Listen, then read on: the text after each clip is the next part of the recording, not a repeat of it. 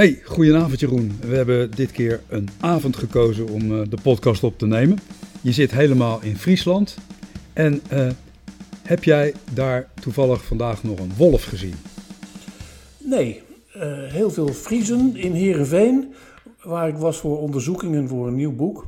Maar wolven, nou, er is genoeg plaats hier, zou ik denken, in die weilanden rond Terherne, waar ik zit. Dorp zelf ook. Je kunt daar uh, genoeg wolven kwijt. Maar ja, het is toch een probleem hè, in Nederland. Ja, wat moeten we ermee met die wolven? Hmm, misschien naar de Oostvaardersplas uh, sturen om daar wat uh, edelherten peuzelen. Je weet ja, dan zetten we er een hek omheen en dan noemen we het het Rutger Bregman Park. Onder het motto: de meeste wolven deugen en de rest schieten we af. Ja, je zou ze ook uh, terug kunnen sturen naar Duitsland. Veel groter land. In ieder geval is het een bewijs dat uh, Nederland te klein is voor al die exoten. Ja, ik weet het niet hoor. We waren zo blij dat hij er was. Dus de schapenboeren niet? Nee, zo is dat. Te klein, dit land. Uh, Amerika. Uh, Amerika was. Uh, iedereen had het erover. Dat ging een geheide nederlaag worden voor Biden. En de democratie was extra in gevaar. Maar is sindsdien, vorige week, sinds de midterms, waar we het ook over hadden, niet het tegendeel gebleken, Paul? Nou, het tegendeel nog niet helemaal. Het tekent zich er langzaam wel iets af dat de mensen een beetje genoeg hebben van Trump en zijn big lie en zijn antidemocratische houding. Tenminste, veel van de Trump-kandidaten, die hoewel ze de voorverkiezingen royaal hadden gewonnen, zijn bij de werkelijke verkiezingen toch verslagen door democraten. En dat is wel een uh, ja, bijzonder moment. In ieder geval wijst het op een zekere omslag een omslag in de mentaliteit in Amerika, zou ik uh, willen zeggen. Uh, er zijn natuurlijk nog kiezers genoeg, aanhang genoeg van Trump. Want het zit nu vooral in die aanhang, die nog steeds meegaan met Make America Great Again, mm -hmm. MAGA. Ja. Maar die omslag is voor mij toch ook een teken van iets anders. MASA, Make America Sane Again. En um, ja, gezond verstand, daar heb jij wat bezwaar tegen. Maar in ieder geval, het, het is een duidelijke uitspraak van een goed gedeelte van de kiezers om op een zinnige manier over de toekomst van Amerika te denken. En niet op zo'n agressieve manier. Dat klopt, ja. En daar zijn dus, en daar zijn dus miljoenen, miljoenen Amerikanen, blijkt wel uit die midterms, die op die manier denken. Hè. Um, Anti-abortus uh, heeft ook meegespeeld. Maar ik denk het zinnigste verhaal over die midterm is dat um, de Republikeinen weliswaar um, nieuwe zetelverdeling ten gunste van henzelf in het Huis van Afgevaardigden hebben, maar toch ook niet kunnen spreken van een grote overwinning. Nee. Nog niet alle stemmen zijn uh, geteld. Nog niet alle zetels zijn vergeven. Het is, uh, ja, het is maar een heel klein verschil eigenlijk, zowel in het Huis van Afgevaardigden als in de Senaat. In de Senaat houden de Democraten hun meerderheid. Dat is in ieder geval beslist. Dat is goed voor Biden, die nu niet lamgelegd is. Maar ik vind het, los van de president, goed voor het land. Goed voor de geest van, van het land. En misschien ook wel met voorbehoud um, goed voor de westerse democratie. Waar Joe Biden, dat moeten we hem toch ook weer nageven, uh, afgelopen jaar ook toch extra inspanningen voor heeft gedaan. Hè? Met, met een speciale bijeenkomst over de democratie. Um, ik denk dat hij zich nu wel gesteund voelt bij een herhaling daarvan. Het lijkt in ieder geval dat de Republikeinse Partij wel een probleem heeft met uh, het winnen van verkiezingen op basis van complottheorieën, zoals de Big Lie. Ik denk dat, het, dat de Republikeinse Partij sowieso een probleem heeft. Want hoe komen ze tot een duidelijke kandidaatstelling in de verkiezingsaanloop hè, tot, uh, tot de landelijke verkiezing, die over twee jaar alweer plaatsvinden, als zij afscheid gaan nemen van Trump? En hoe gaan ze daarmee om? Want die Trump die schijnt zich alweer kandidaat te stellen.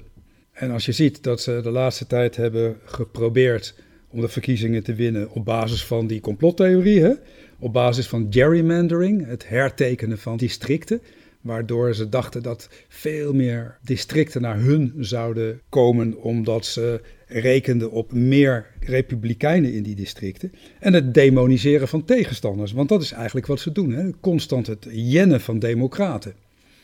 Aan de andere kant heeft de Democratische Partij weer een probleem omdat ze zo verdeeld zijn. Nou, er moet nog heel wat gebeuren in Amerika.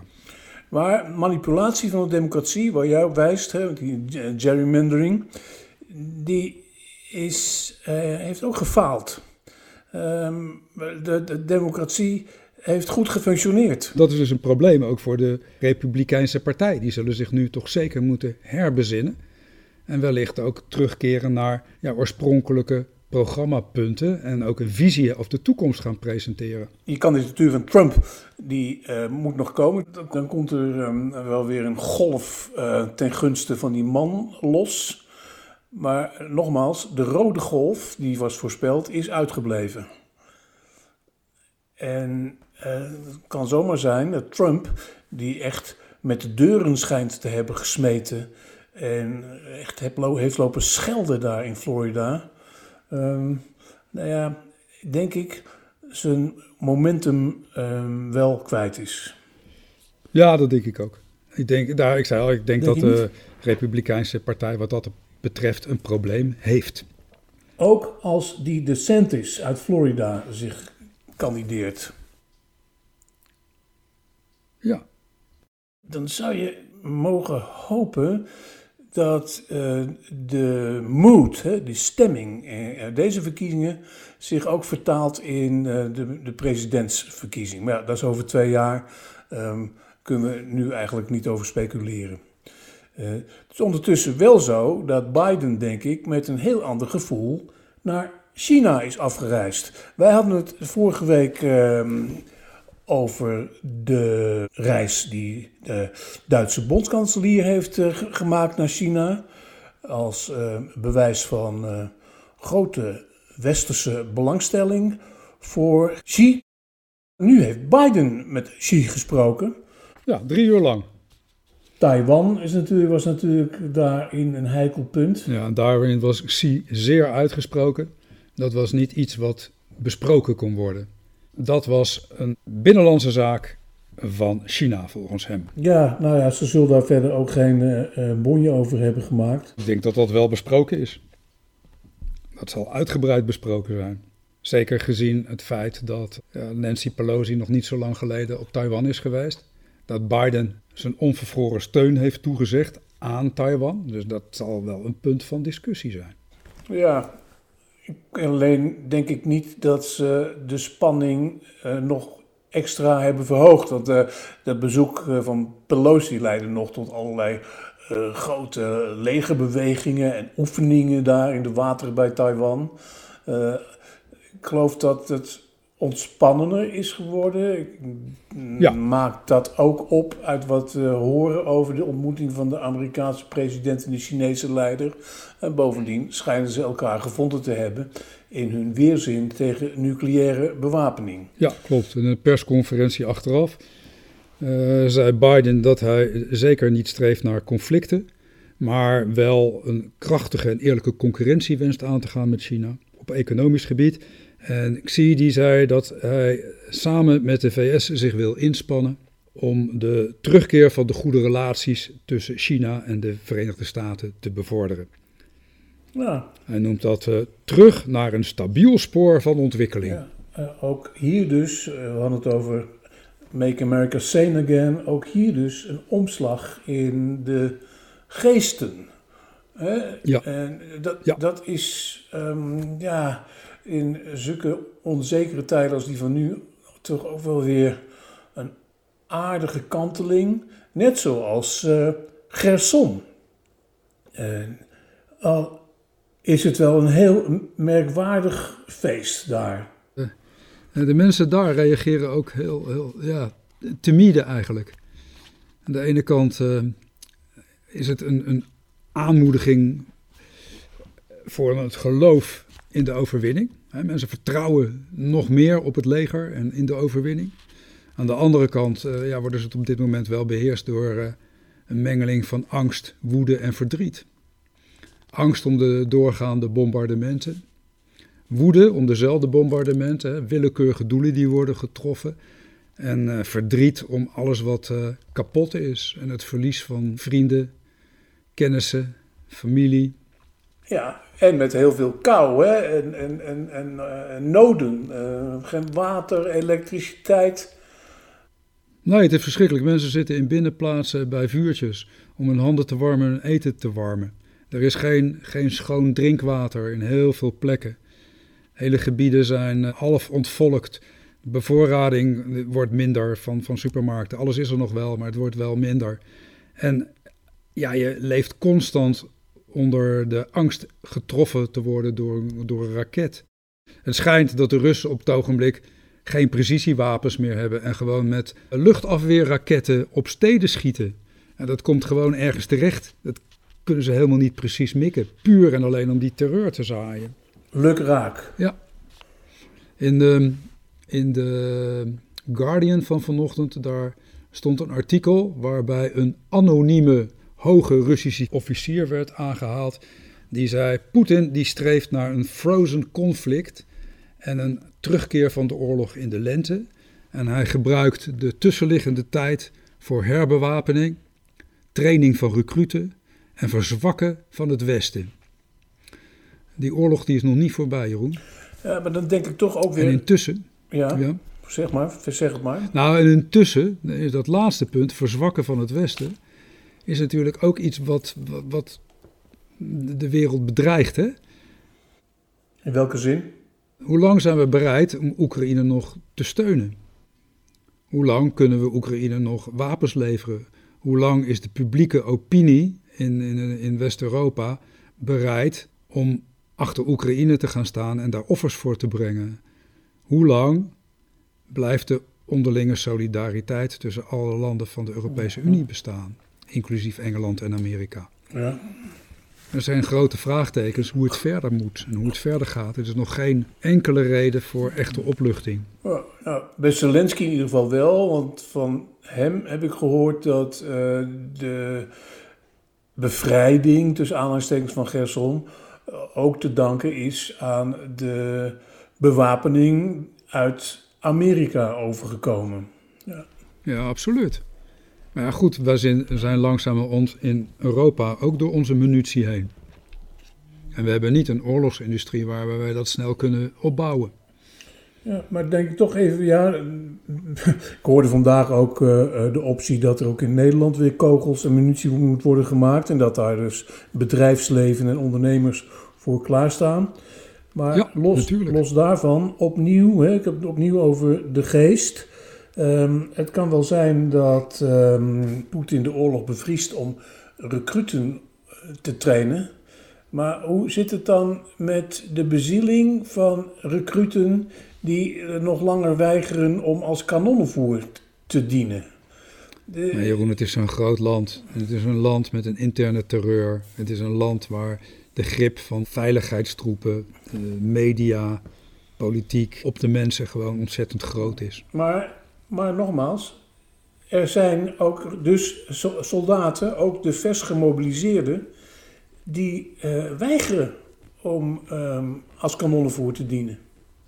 Nou, dit is in het verleden vaker gebeurd in Rusland en die werden door de eigen officieren in de rug geschoten. Het is duidelijk dat het Russische leger niet bestaat uit soldaten met eenzelfde strijdkracht, met eenzelfde bezieling, met eenzelfde uh, goede leiding als het Oekraïense leger. Maar de, de, hoeveelheid mensen en de gewetenloosheid van, van de leiding, ja, die is natuurlijk heel groot. Dat is heel anders.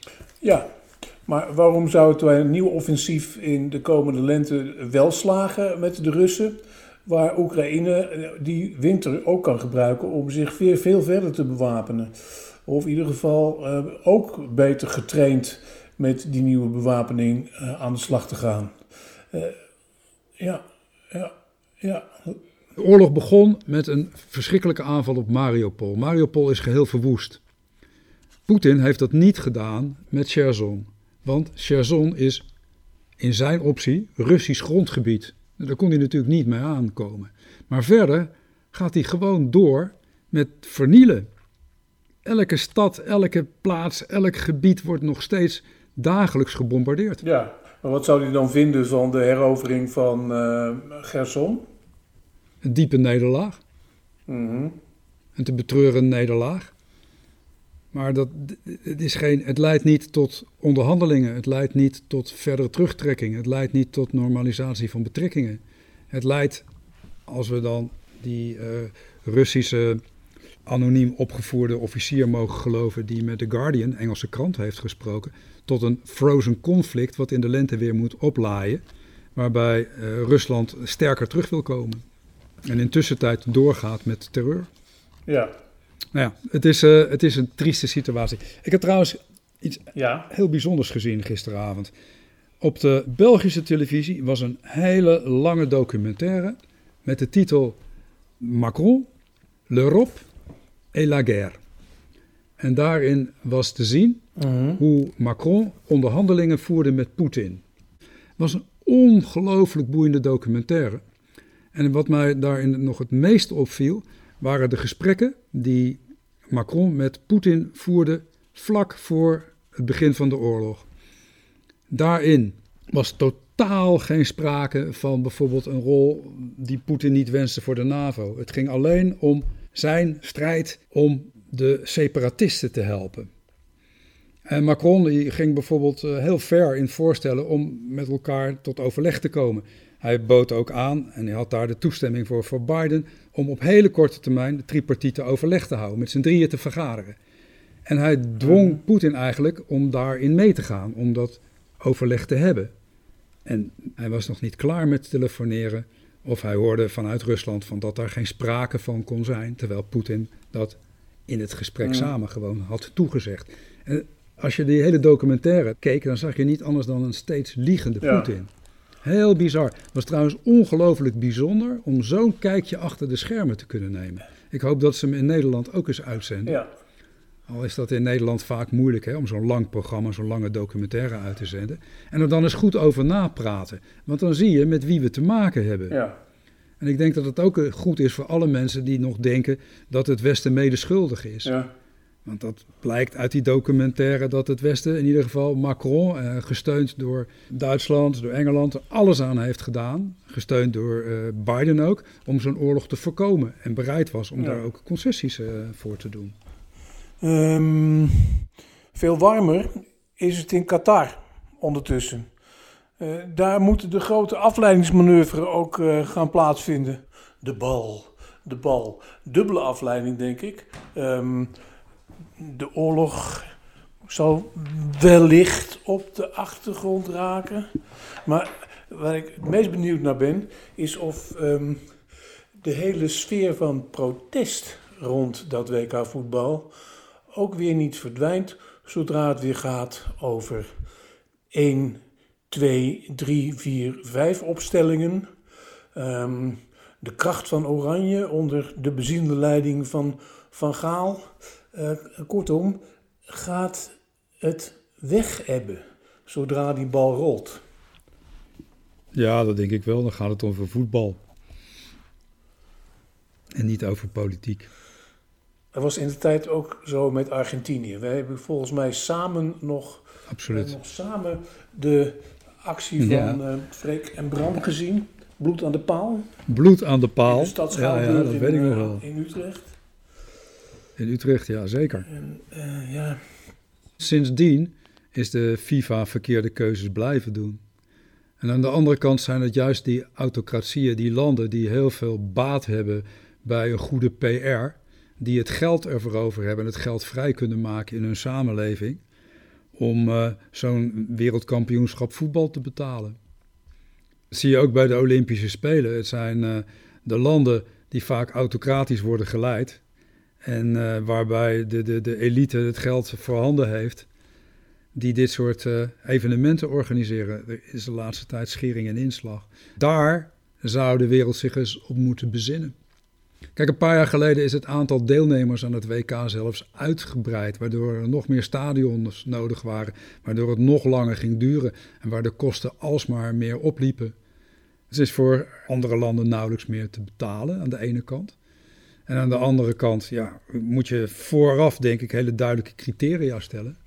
Hoe ga je hier met, met, mee om als je dit soort keuzes maakt? En het verbaast me ook overigens in dit, dat er vanuit Qatar niet gewoon een gebaar is gekomen. Op het moment dat je zoveel geld uitgeeft voor goodwill en je krijgt kritiek op de behandeling van je arbeiders, dan doe je er toch verdorie alles aan om die kritiek in de publieke opinie weg te nemen. Ik snap dat niet goed. Ja? Ze hebben uh, in plaats daarvan hebben ze 50 uh, Nederlandse oranje supporters uh, op een tripje getrakteerd. Onder voorwaarde dat die oranje jongens het allemaal heel mooi op Facebook gaan ventileren. Heel vreemd. Nou ja, dat geld hebben ze niet uitgegeven. die stadions hebben ze niet gebouwd omdat ze zo ontzettend veel van voetbal houden. Dat hebben ze uitgegeven en ze hebben het WK voetbal naar Qatar gehaald om hun land in een gunstig daglicht voor te stellen. Ja, als dat nu een beetje misgaat, dan zetten ze alles in. Maar het was toch veel beter geweest als ze lopende dit proces hun arbeiders beter waren gaan behandelen. Als ze de aanleiding tot alle aantijgingen hadden weggenomen. Ja, maar die arbeiders die zijn daar neergezet om die stadions heen op stijgers waar geen gaas omheen zat, waar geen vangnetten omheen zaten. Uh, wat dat betreft. Het is in de landen waar de mensen vandaan komen trouwens ook heel gebruikelijk. Mm Je weet niet wat je ziet. Het is, het is de cultuur. Het is de cultuur. Het is de manier waarop die emirs denken over dat soort uh, personeel, dat soort inzet. Ik heb vandaag nog eens terug zitten luisteren naar een interview van Langs de Lijn met Kees Wieringa. Dat was een, een, Nederlandse museumdirecteur die drie, vier jaar daar in Qatar heeft gewerkt. Ook met de emirs heeft gewerkt. Die um, aanvankelijk uh, vol bewondering was voor hun inzet uh, voor um, cultuur daar in Qatar. Maar uh, daar gaandeweg ook um, wel van stemming veranderde. Uh, Kees Wieringa was een van de buitenlandse werknemers die zijn paspoort moest inleveren. Die Qatar niet eens uit kon, terwijl hij bezig was om daar dat museum op te zetten.